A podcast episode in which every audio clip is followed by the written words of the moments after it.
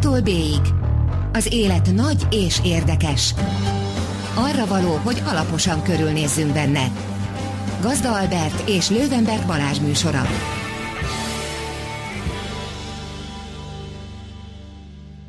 Jó estét, drága hallgatók! Ez itt az A-tól B-ig, az élet nagy és érdekes. Én Lővenberg Balázs vagyok. Én pedig Gazda Albert. Ma esti vendégünk pedig, pedig Tóth Adrián, a Wineglass Communications nevezetű ügynökség vezetője, munkatársa. Csapat, kis csapat. Kis csapata. Mindenki minden. kis csapatának illusztris tagja. Borszakíró, nekem régi ismerősöm, régi kedves ismerősöm, még főleg borszakíró korából, és, és azért hívtuk őt most beszélgetni, mert, mert közeleg a karácsony, meg a szilveszter, meg egyébként is mm, szeretjük a bort, igaz? A jó bort, és és van egy, van egy aktuális téma is, ami ami persze mindig aktuális kellene, hogy legyen, de, de ilyenkor, karácsonykor, szilveszterkor különösen az. Ez pedig a Tokai Aszú, e, a mi kedvenc borunk, és szerintünk a világ legjobb bora, amit előszeretettel szeretünk hangoztatni, még akkor is, hogyha nem iszunk Tokai Aszút minden nap, sajnos. Szóval, hogy van egy, van egy, van egy kampány, aminek az a címe, neve, hogy Kocincs Aszúval, és ezt népszerűsítetek ti mostanában, meg máskor is, és ezt én is szoktam népszerűsíteni, Balázs is szokta népszerűsíteni szerintem. Sőt, szerintem te már akkor népszerűsítetted, amikor ez még nem is volt. Hát igen, én már évekkel korábban népszerűsítettem. Most visszakerestem, azt hiszem 2010-es volt az első ilyen cikkem, amiben arra biztattam a, az olvasóimat az akkor még létező borblogomon, hogy szilveszterkor ezt most pesgősök ne figyeljenek ide, szóval, hogy szilveszterkor is kocincsanak asszúval. Ö, olyan hosszú egyébként a szilveszter, tehát miért nem Abszolút így, így van. Így van. Ö, na, szokásos módon belegabajottam a műsorok elején rám olyan annyira jellemző hosszú monológokba, úgyhogy éppen itt az ideje, hogy Adriennek átadjam a szót, feltéve azt a rendkívül brutális kérdést, hogy hát miért is szeretjük annyira az aszút? Nagyon sok szempontból lehet ezt a témát körüljárni. Nekem van két érdekes tapasztalatom mostanában, hogy erre tényleg ilyen fokozottan az adventi időszakban figyelünk, és erről nagyon sok emberrel beszélgetünk, és nagyon sok emberrel gondolkodunk, és figyeljük a, a reakcióikat, meg a tapasztalataikat. És az egyik az a nagyon érdekes a tokai asszúban, hogy és ebbe egyedülálló a gyakorlatilag közel egyedülálló a világbor kínálatába, hogy egyszerre tud nagyon erőteljesen hatni egy, egy olyan emberre, aki csak egy alkalmi borfogyasztó, és nem ért semmit a háttértörténetekhez, és nem ismeri az egész mögött a sztorit, legyen szó egy magyar emberről, vagy valakiről, aki a világ másik felében él, és semmilyen kötődése nincs hozzánk, és ugyanolyan reakciót tud kiváltani egy, egy profi kóstolóból, egy szomeléből vagy borkereskedőből, szintén a világ minden táján. Tehát ha, ha figyelembe vesszük, hogy a legtöbb bort ö, át, beleszokták csoportosítani valamelyik kategóriába, és azt mondjuk, hogy vannak populáris borok, amik a szupermarketek polcára valók, és arról szólnak, hogy megkóstolják az emberek, és egy nagyon kellemes élményt kapnak tőle, de igazából a, a szakírók, meg a szakemberek csak fanyalognak rá, és hogy vannak olyan különleges borai a világnak, Burgundiába, Pinot Noirok, amiket iszonyatos összegekért értékesítenek, mindenki, aki ennek a, kö, ennek a bortípusnak a rajongója, az oda van érte, de lehet, hogy megkóstolja egy átlag ember egy több ezer eurós bort, és nem igazán érti, hogy, hogy miről van szó.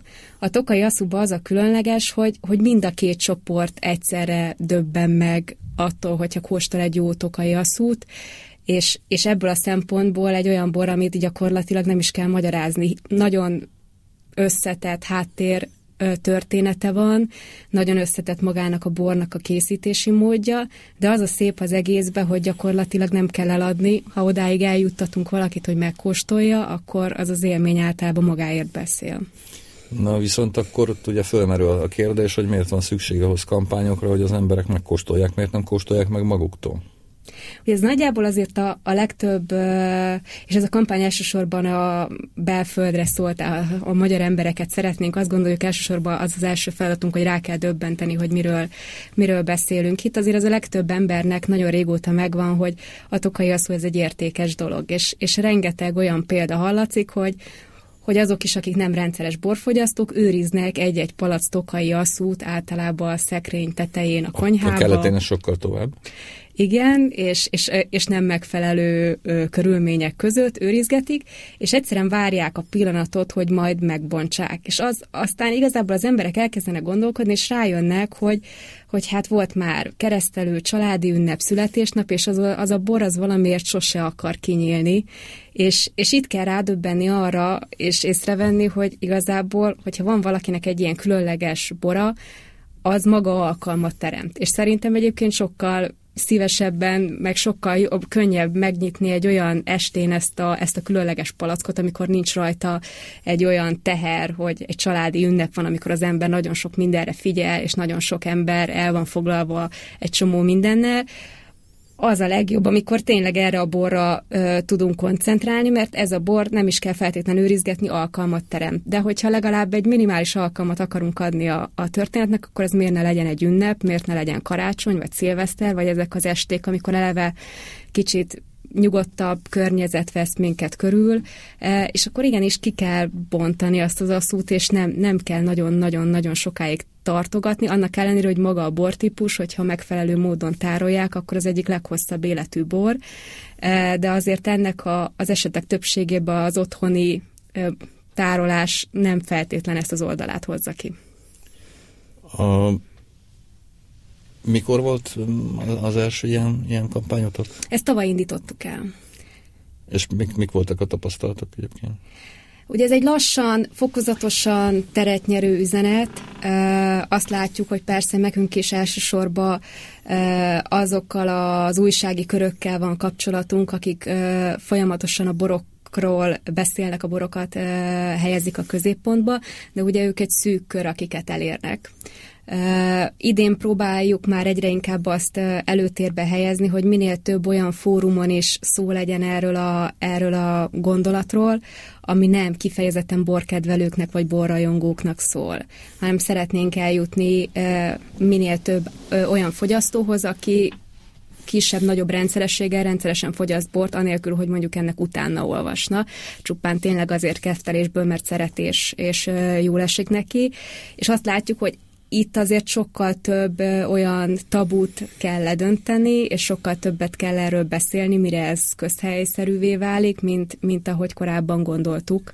Tehát az, a, az az információ, ami egy borkedvelőnek magától értetődő, az itt azért sokszor felvet kérdéseket. És hogy látjátok, hogy a legnagyobb tabu, vagy a legnagyobb akadály az, az micsoda? Most hogy nekem elsőre az lenne a fejemben, hogy nincs olyan, hogy aszú 2000 alatt. Tehát, hogy ez mégiscsak hogyha valakinek nincs a polcon családi örökségből az egy palack aszú, akkor mégiscsak meg kell venni. Hát a 2000 egy kicsit alálőttél egyébként szerintem. Be, persze, csak mondom, hogy van Jelen ez a borok 2000 alatt, tehát hogy vannak ezek a ilyen best buy-ok, hogy aszúba a best buy, az nem ott kezdődik. Hát, szerintem mint nincs... még, a, bocsánat, mint még akár egy, egy egyszerűbb uh, pesgőbe is. De igazából ez, ez a témát legegyszerűbb tisztán kezelni, és nem lehet rajta szépíteni, az azt úgy gyakorlatilag egy luxus termék. Tehát, hogy nem, igenis olyan értelemben lehet mindennapok bora, meg nagyon jó lenne, hogyha mindennapok bora lenne, hogyha valaki ezt megengedheti magának, de nem mi se gondoljuk azt, hogy ez feltétlen általános társadalmi jelenségé fog válni. Azért szép, nem szép, egy asszú átlag ára 10 ezer forint körül van, lehet ez alatt is találni tételeket, de lehet jóval e fölött is találni, és igazából ahova megy a világ, és ahogy egyre többen mondjuk a nemzetközi piac megismeri ezt a bortípust, és szépen folyamatosan kezdenek érdeklődni iránta, az valószínűleg csak arra fogja vinni a dolgokat, hogy ez a bortípus még drágább lesz. Tehát ezzel ezt nem érdemesebb semmilyen módon kibújni, vagy valahogy úgy beállítani, hogy mintha nem ez lenne. Az asszú tényleg egy drága, különleges ital, de úgy gondolom, hogy abban a világban, mikor egyébként is kör, körbevesznek minket alkalmi jelleggel drága, különleges italok, akkor az asszú is egy teljesen releváns választás, és pusztán azért, mert értékes és különleges,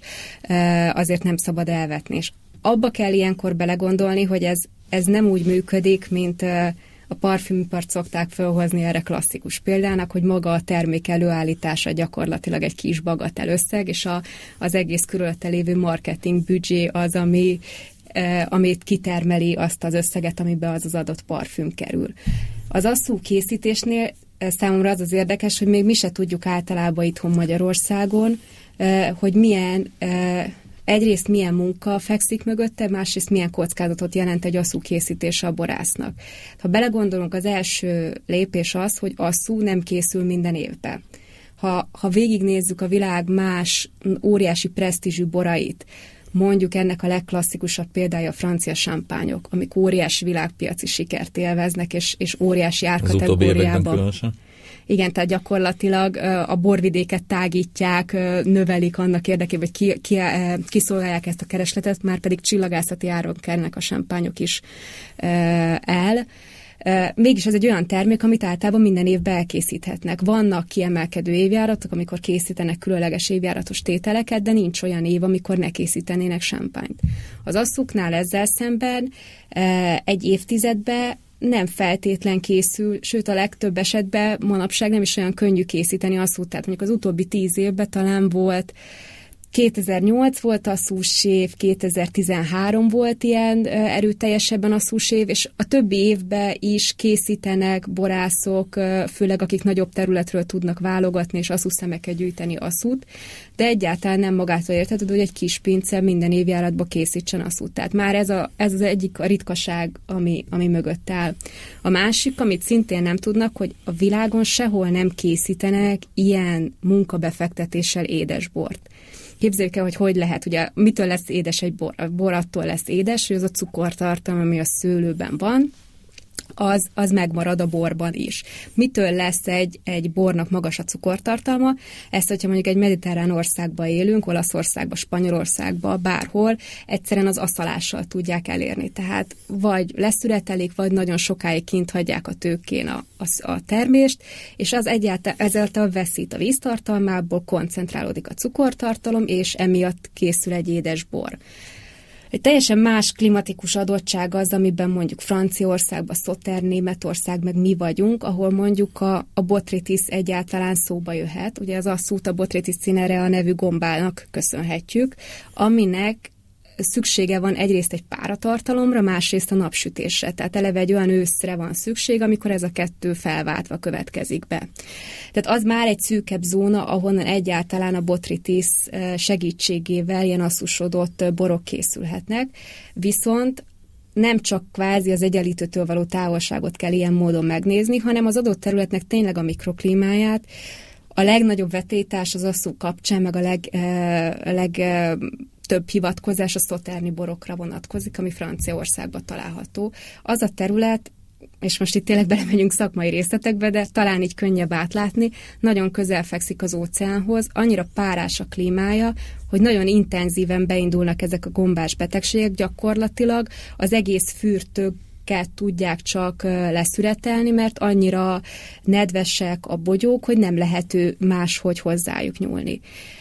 Magyarországon ezzel szembe, ahol mi az asszukat, a Tokajba, ahol az asszuk készülnek, ott annyira kiegyenlített a klíma, hogy ez a, ez a botritis pont annyira vonja be a bogyókat, hogy már hatással van a bogyókra, koncentrálja a cukortartalmukat, beltartalmukat, átalakítja az aromájukat, viszont nem válik annyira nedvessé, és ezáltal Magyarországon a bogyókat szemenként szüretelik. És ez az, amit sokszor elmondunk, de szerintem az emberek még mindig nem gondolnak bele, hogy milyen egy szőlőfürtőről szemenként bogyókat szüretelni, úgyhogy ez egy folyamatosan terjedő ö, gombás tevékenység következtében nem az van, hogy egyszer kimennek a szőlőbe és hát leszedegetik. Hát ez hónapokig tart hanem hónapokig valóban, akár a, a késő őszig négyszer-ötször visszamennek ugyanarra a területre, mindig szedegetve a megfelelő szemeket, és egészen ősz végéig, amikor már annyira hideg van, hogy az embernek az ujja elgémberedik, addig gyűjtögették. Állítólag női munka, tehát nő, nők azok, akik ezekre a leginkább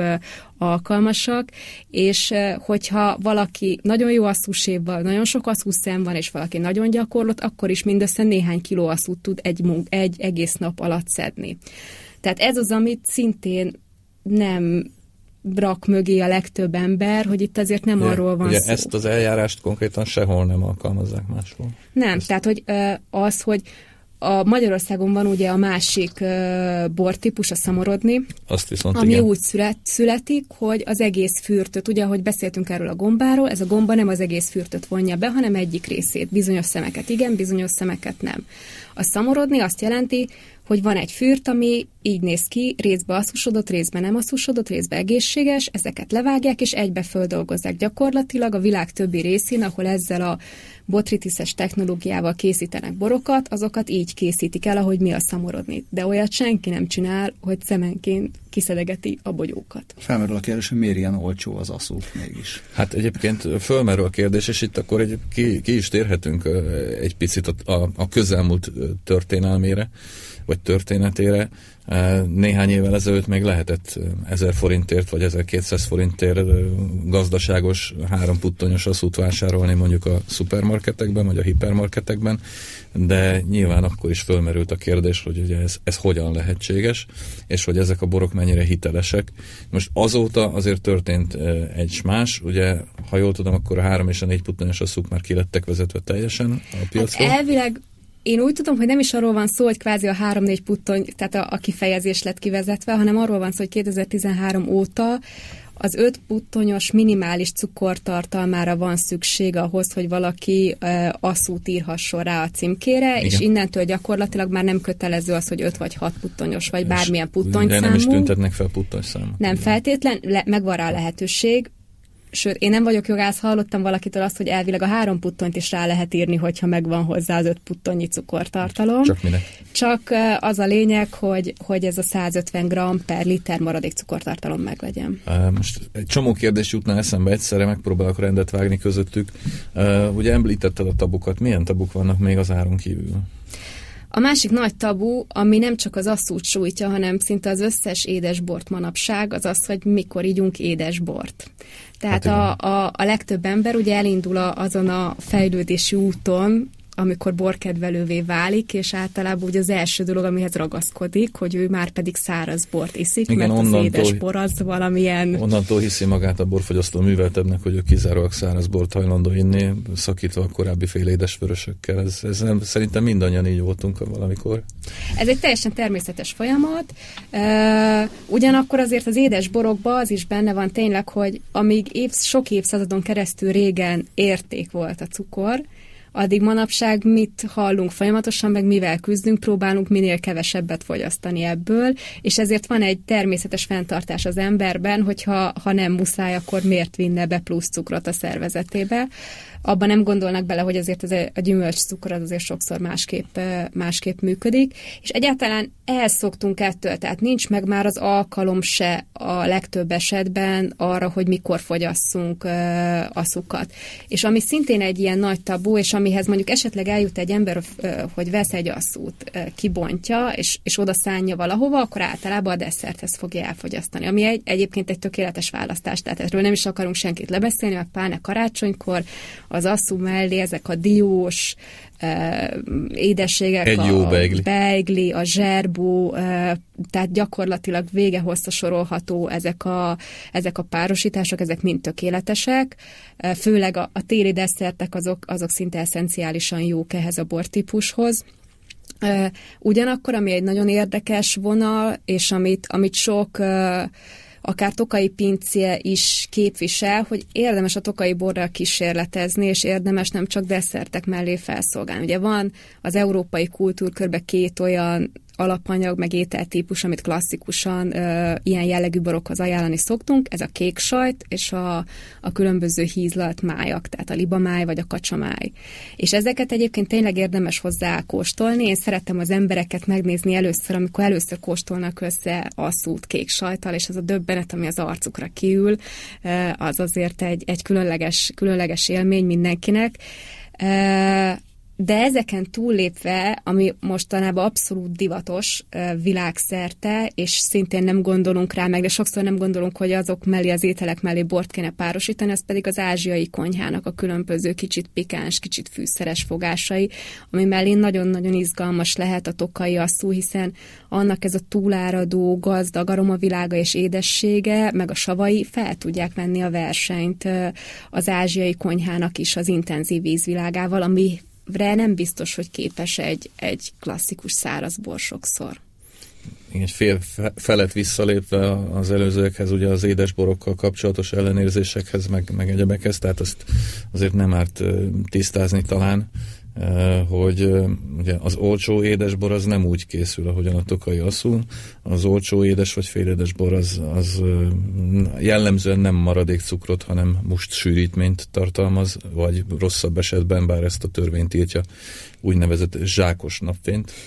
Ezt a kedves hallgatókra bízzuk, hogy kitalálják, hogy a zsákos napfény vajon mit akar.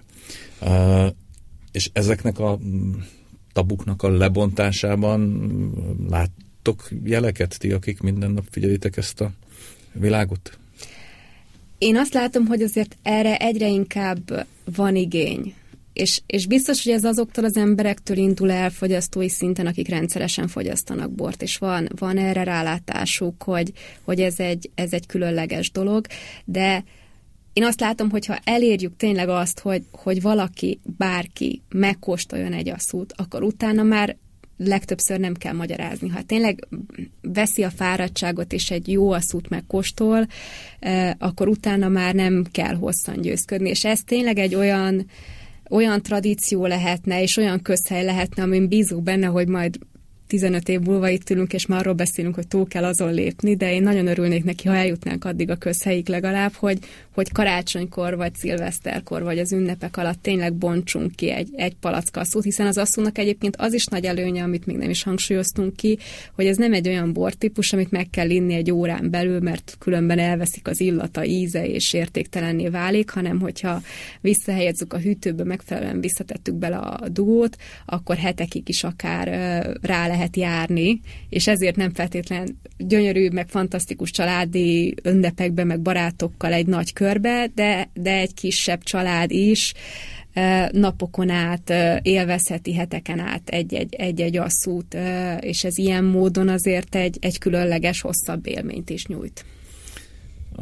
Egyébként azoknak a száma, akik részt vesznek ebben a programban, nőtt tavalyhoz képest? Én azt látom, hogy, hogy az újságírók sokkal nyitottabbak, mi azt, azt, azon most nagyon sokat dolgozunk, és ennek örülünk, hogy itt is ez ilyen módon is részeseivé válhatunk hogy azok az emberek, akiknek a véleménye nagyon sok emberhez eljut, ők, ők megismerjék ezt a, ezt, a, ezt a bortípust és ennek az előnyeit. Úgy gondoljuk, hogy ebből a szempontból azok, akik mondjuk gasztronómiáról írnak, meg gasztronómiával foglalkoznak, és akik számára egyébként nem magától értetődő, hogy borokhoz értsenek, számukra egy, ez egy nagyon, nagyon fontos lehetőség, és azt a másik fontos bástyánk ebbe a programba és segítségünk, azok pedig éttermek, olyan éttermek, ahol olyan emberek dolgoznak, akik e, borszakértőként, szomeléként hisznek abba, hogy szívesen oda mennek egy vendégnek, és elmagyaráznak, elmesélnek egy pár dolgot, mert beleteszik azt a plusz energiát, eh, hogy megpróbálják rávenni, hogy valami újdonságot kóstoljon meg, és ezáltal ők is ugye részt vehetnek abba az élménybe, amikor valaki pozitívan csalódik és meglepődik, ahelyett, hogy egyszerűen rutinszerűen kiszolgálnák azzal a, a megszokott borokkal, amiket ő keres. Tehát van Budapesten is étterem, ahol akár a, a, az eszenciát is, tehát elmennek a tokai asszúnak a legmagasabb legmagasabb pontjáig, és eszenciát kínálnak akár ilyen kis, kis üvegkanába, és általában óriási iránt a kereslet, mind, mind magyarok, mind nemzetközi vendégek részéről, és nagyon szeretik, de nagyon jól párosítható ilyen degustációs menükben, amik ilyen hosszabb, többfogásos ételek, és valamilyen módon ott meg akarják lepni az embereket, és tehát ilyen módon ugye mi ebből a két irányból tudunk elsősorban elindulni és eljutni az emberekhez, és azért azt látjuk, hogy, hogy évről évre azért nő a, nő az igény erre, ahogy, ahogy mi is rádöbbenünk, hogy ez tényleg milyen izgalmas, meg, meg érdekes történet, és mennyire sokszínű, meg mennyire összetett. És mitől buta kérdés, vagy nem tudom, hát olyan rossz, rossz a megfogalmazás, de úgy mitől venni el a helyet? Tehát itt elég egyértelműen a pesgőt szeretnétek kiszorítani? Tudom. Nem gondolom, hogy egyébként a pesgőtől elvenni. A pesgő szerintem bár ugye a klasszikus pesgős mondás, hogy pesgőt bármikor és bárhol és bárkivel, de azért a pesgő mégis egy olyan, olyan jellegű ital valahogy magánál az alkatánál fogva, ami, ami mintha egy ilyen nagy társaságot, egy, egy kifelé figyelést, egy ilyen kvázi, egy ilyen tényleg egy ilyen baráti hangulatot, vagy egy nagy családi eseményt kísér, és másodszorban pedig teljesen máshol uh, van a szerepe gasztronómiai párosítás terén. Tehát, hogyha mondjuk nem csak arról beszélünk, hogy valamikor csak úgy magába isszuk a bort, hanem arról beszélünk, ami szerintem egyébként a klasszikus funkciója a bornak, hogy étel mellé fogyasztjuk, akkor teljesen más uh, szituációban gondolkodunk pesgőről, mint asszúról. Tehát nem ugyanazok mellé az ételek mellé kínáljuk. A pesgő inkább egy klasszikus aperitív, lehet saláták mellé, lehet előételek mellé, az asszú viszont egy sokkal gazdagabb, intenzívebb étel társaságot igényel, és ilyen módon szerintem nem, nem szorítjuk ki egymást, arról nem is beszélve, hogy azért valószínűleg még egy ilyen kis családi, meg baráti kör is le tud küzdeni egy este egy üveg asszút, meg egy üveg pesgőt, hogyha úgy nagyon összeszedi magát. Meg közben rájöttem, hogy inkább azt kellett volna kérdeznem, hogy kik azok az emberek, akiket ugye elsősorban most megcéloztak, mert feltételezem, hogy ö, nagyobb az ugrás attól, hogy a két literes kocintóst vettem tegnap, de ma veszek egy aszút. Kis kisebb az ugrás onnan, hogy amúgy már úgy minőségi italokat vásárolok, és akkor most, most úgy döntök, hogy, hogy veszek aszút is az ünnepi vacsorákhoz. Szerintem egyértelműen, ahogy a minőségi boroknak is, ahogy én látom, úgy a tokai aszúnak is elsősorban azok lesznek fogékonyak iránt, akiket egyébként érdekel a főzés, aki mondjuk szívesen főz otthon, vagy szívesen jár el éttermekbe, és figyel arra, a, arra az élményre, amit számára egy étel ad. Szereti ezt átgondolni. Úgy látom, hogy egyre többen járnak manapság piacokra, vagy, vagy kulináris boltokba, utána néznek az alapanyagoknak. Tehát van egy, van egy olyan kör, aki elkezd a táplálkozása nem mint egy puszta funkcióra gondolni, hanem mint egy élményfaktorra, hogy mit jelenthet neki főzni.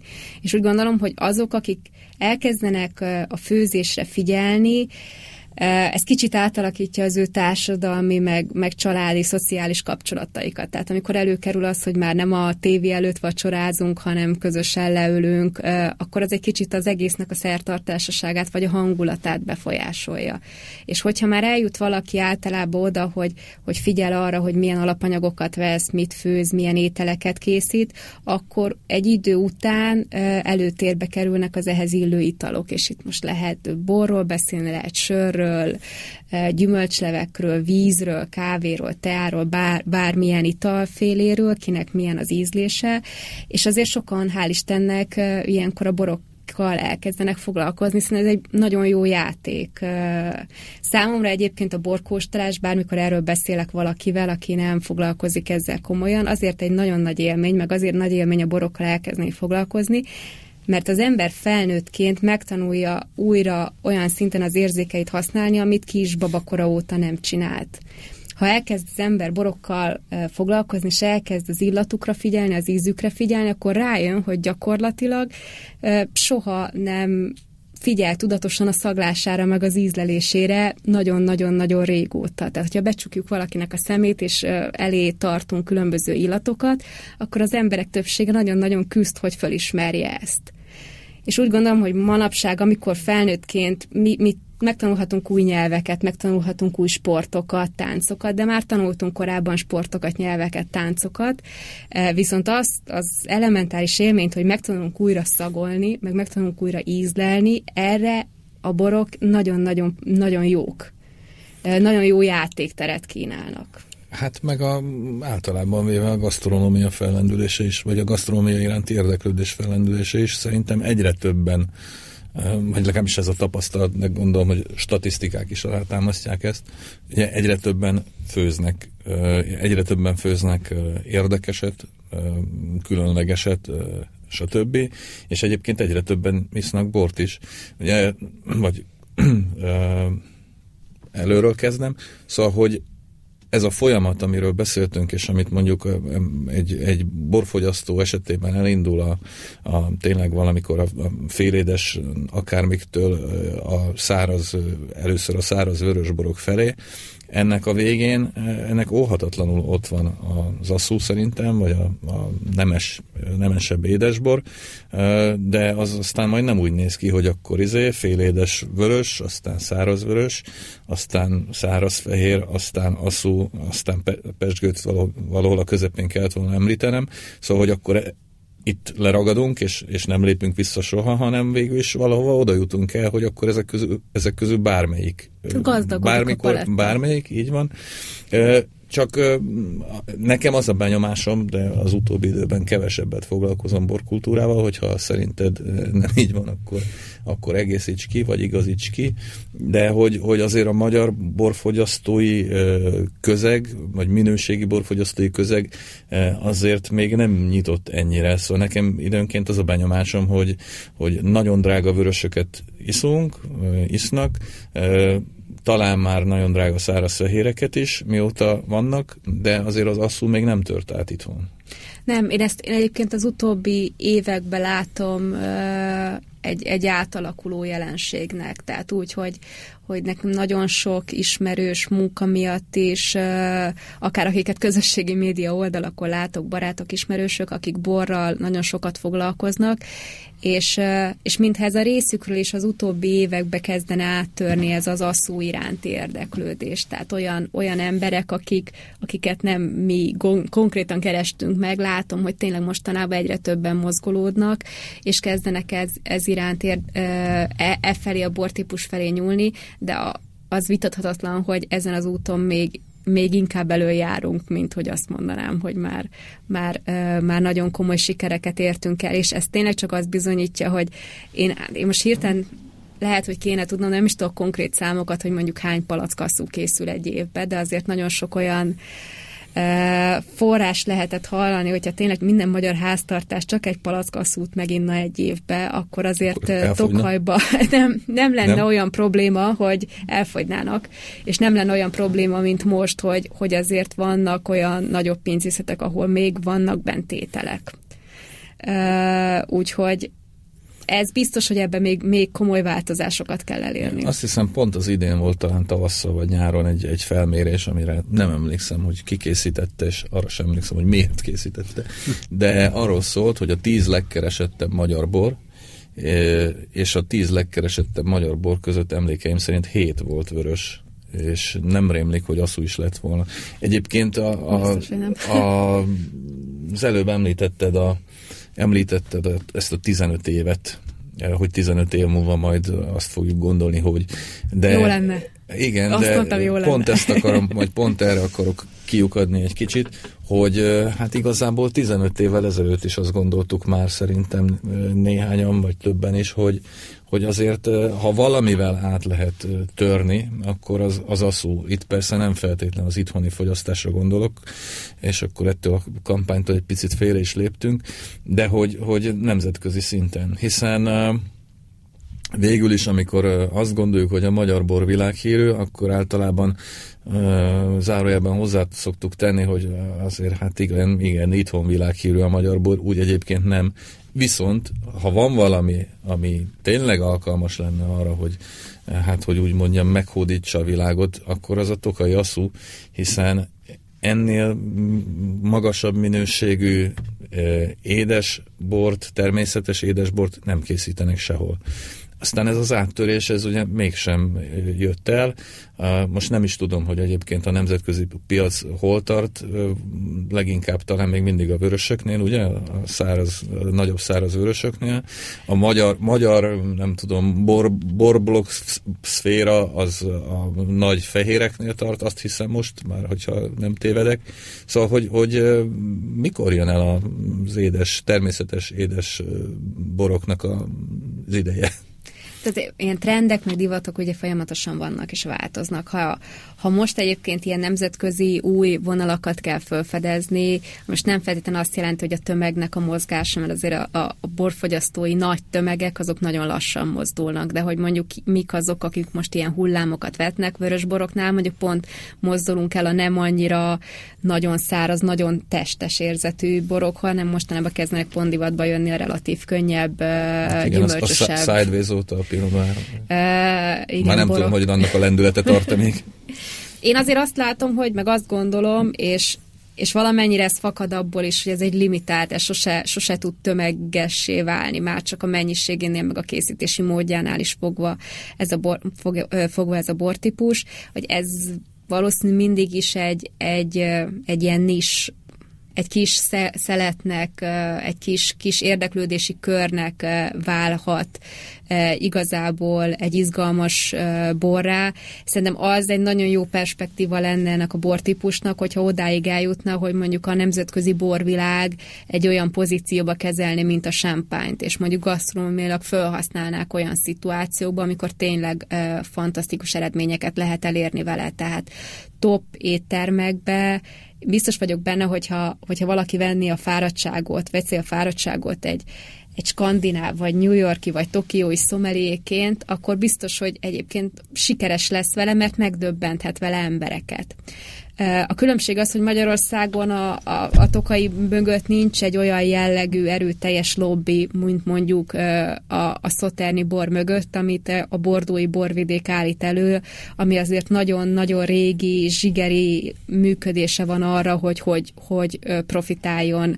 Akár az új területekből, ugye ő volt az első, aki Kínát is meghódította, és a kínaiak számára is Bordó jelenti az első, meg a nagy klasszikus bort, és ugye ott be tud csúszni szépen a szotern is.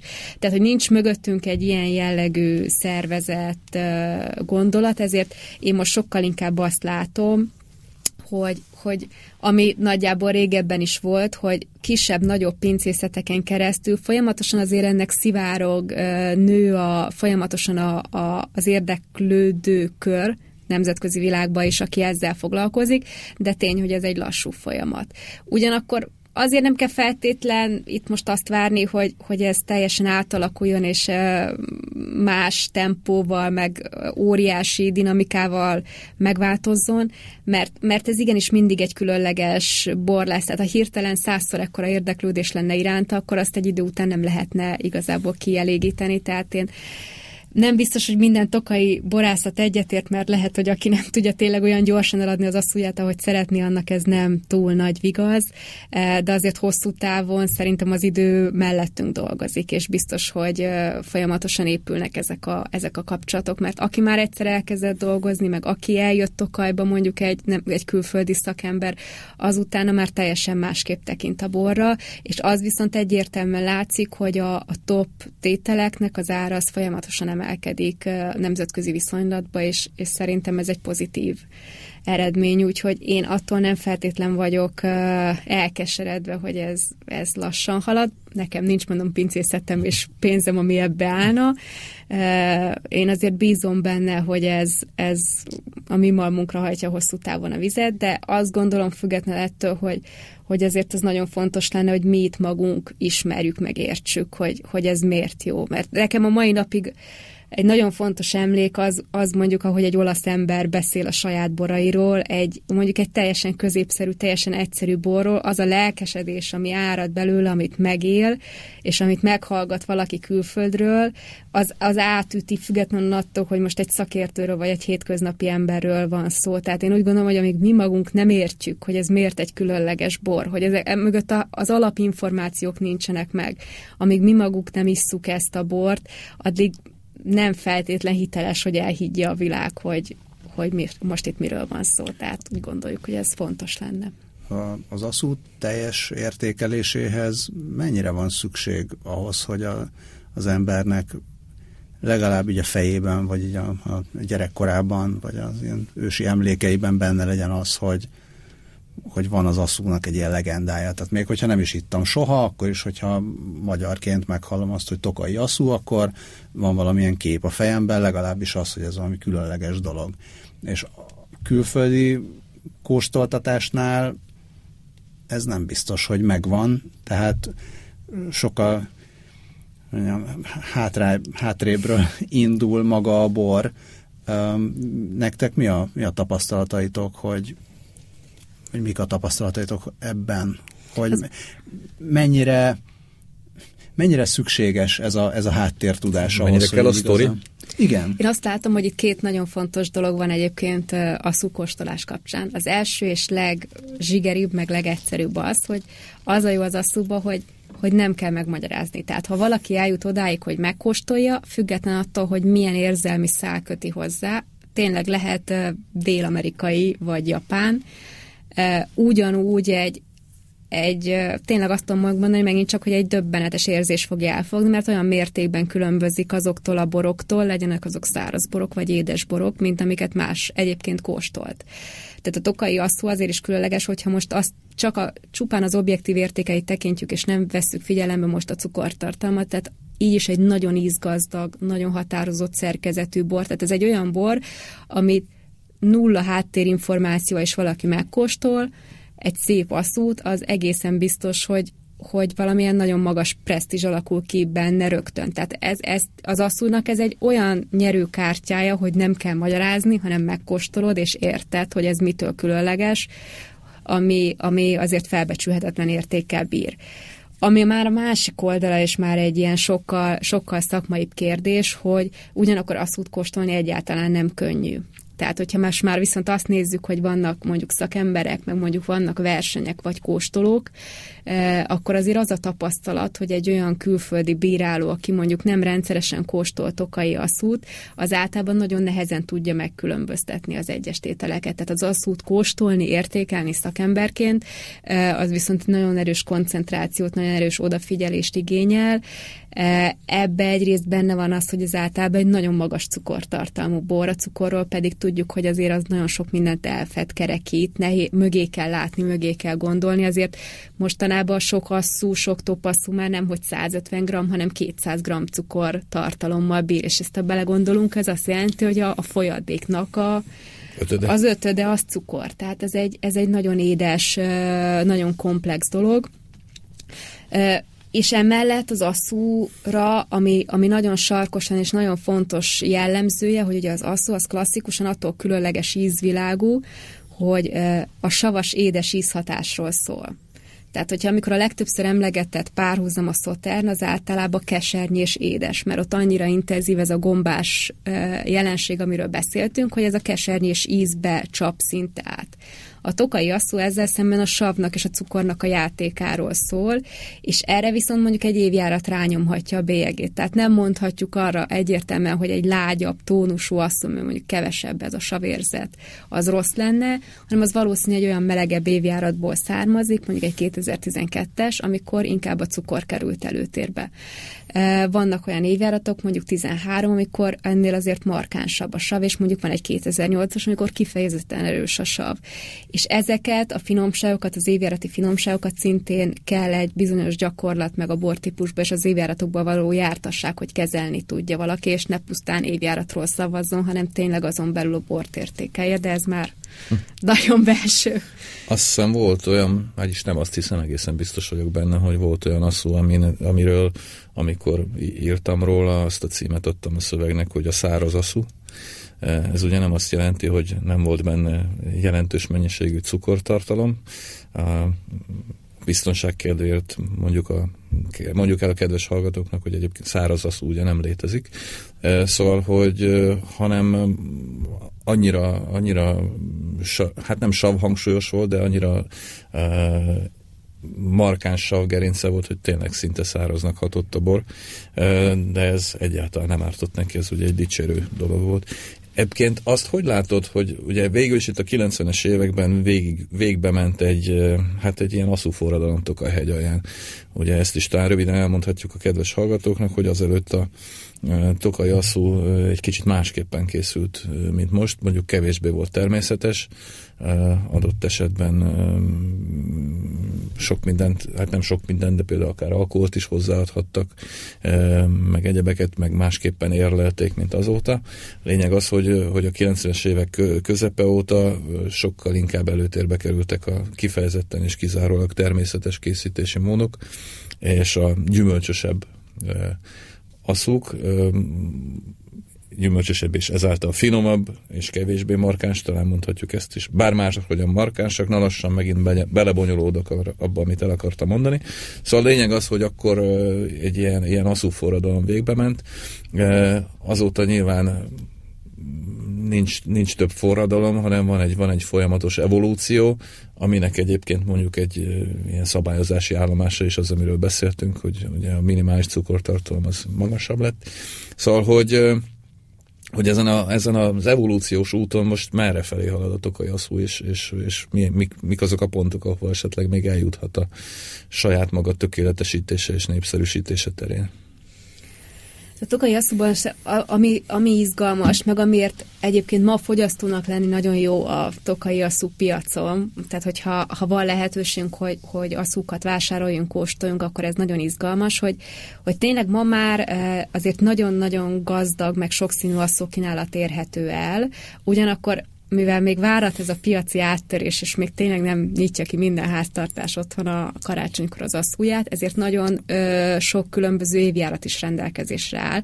Tehát szerintem ez fogyasztó szempontból egy, meg borkedvelői szempontból egy nagyon különleges helyzet, hogy akár még lehet, hogy el lehet csípni néhány 2006-os, 2008-as palackot is, ugyanakkor már ö, olyan pincéknél, akiknek ö, hamarabb elfogynak a tételei, 2013-as friss asszúk is rendelkezésre állnak. Tehát, hogy egyrészt szerintem ez borfogyasztóként most egy nagyon izgalmas dolog, hogy, hogy egyszerre meg lehet kóstolni az asszúnak egy, egy mondjuk 15 évnél idősebb korában azt az állapotát, egy jól tárolt asszúnak, amikor egy, egy fűszeres, gazdag, aszal, gyümölcsös, mély ízek jellemzőek rá, és amit itt említettél, hogy hogy szárazodik az asszú, csökken ez az édes érzet, ez abszolút tapasztalható a korral. Tehát egy érleltebb asszú messze nem érzünk olyan édesnek, mint egy fiatalt, és emellett meg lehet kóstolni a nagyon fiatal nagyon üde gyümölcsös asszukat. Ez egyrészt fogyasztói szempontból érdekes.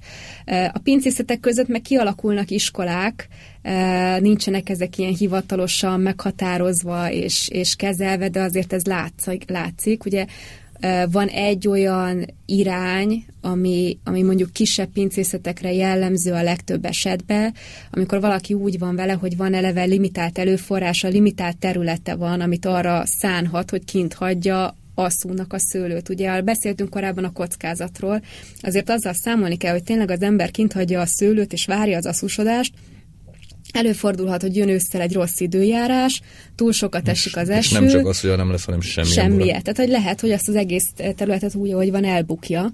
E, és ezért azért az egy nagyon racionális kérdés, hogy, hogy egy kisebb pincészet mennyire foglalkozhat a szókészítéssel. Tehát nagyon sok ilyen kis pincészet akkor azt fog, úgy fogja fel a helyzetet, hogy ha már csinálunk azt, úgy csináljuk a legjobbat és így képződnek 200-240 g cukortartalom mellett tényleg olyan asszuk, amik, amik szinte már én úgy szoktam megfogalmazni magamnak, hogy ilyen műalkotás jellegű borok, tehát olyan bor, amit megkóstolsz, és tényleg semmi nem kell mellé, desszert, sajt, libamáj, étel, bármi, úgy tökéletes és úgy hihetetlen. Csak a karácsony. hogy, ahogy van. És ugyanakkor emellett van egy másik irány is, eh, ahol meg inkább azt mondják, hogy kvázi borszerű baszukat akarok készíteni, ahol nem szaladnak el mondjuk nagyon, nem engedik, hogy annyira magas legyen a cukortartalom, fontosabbnak érzik, hogy az alkoholtartalom akár egy picit följebb menjen, eh, ne váljon ez a nagyon-nagyon markáns édesség, inkább megmaradjon a savaknak az ereje, megmaradjon egy, egy ilyen visszafogottság, ezek azok az asszuk, amiket valószínűleg sokkal jobban illenek mondjuk gasztronómiai kontextusba. Tehát ha, ha most nagyon csúnyán, meg analitikailag belemegyünk számokba, akkor valahol mondjuk a cukortartalom mentén el lehet uh, iskolákat uh, különíteni, és akkor itt most azért azokról a, a már igenis uh, korszerű elképzelések szerint készülő magas minőségű asszukról beszélünk, amiket említettél az imént, amikor tele van a hordó, nagyon vigyáznak rá, megóvják a gyümölcsös ízeit, hiszen... Az íztisztaságot. Magát a, ugye, ami minden bornak a célja, hogy magát a szőlőt fejezzék, és a szőlőt mutassák meg. Van még szerintem egy 25 másodpercünk körülbelül. Gyorsan szeretném megkérdezni, hogy kedves hallgatók szerintem most azt akarják tudni, hogy rendben, meg vagyok győzve, akkor most mit csináljak, mert nem annyira értek az aszúhoz. Mit csináljon a drága hallgató, hogyha szeretne kocintani aszúval? Szerintem rossz aszút, mert nem nagyon tud venni. Hát azért, tudni? hogyha biztosra akar menni, akkor valószínűleg érdemes szakemberhez fordulni. Azért ma már a, a legtöbbünk környezetében vannak borszaküzletek, hogyha, pláne hogyha bizonytalan, akkor ezekben az üzletekben nagy lelkesedéssel fognak neki segíteni és ajánlani, mondjuk, mondjuk attól függően asszút, hogy ő éppen desszerthez szeretné, vagy magába inná, vagy, vagy valamilyen ázsiai különlegességhez párosítaná, vagy kék sajthoz, úgyhogy hogyha valaki bizonytalan, akkor általában ez az, ami leginkább javasol javasolt, ugyanakkor nagyobb üzletekbe is lehet vadászni jó árértékarányú e, akciókra ilyenkor karácsony előtt ezt is érdemes kihasználni. Nem 2000 alatt.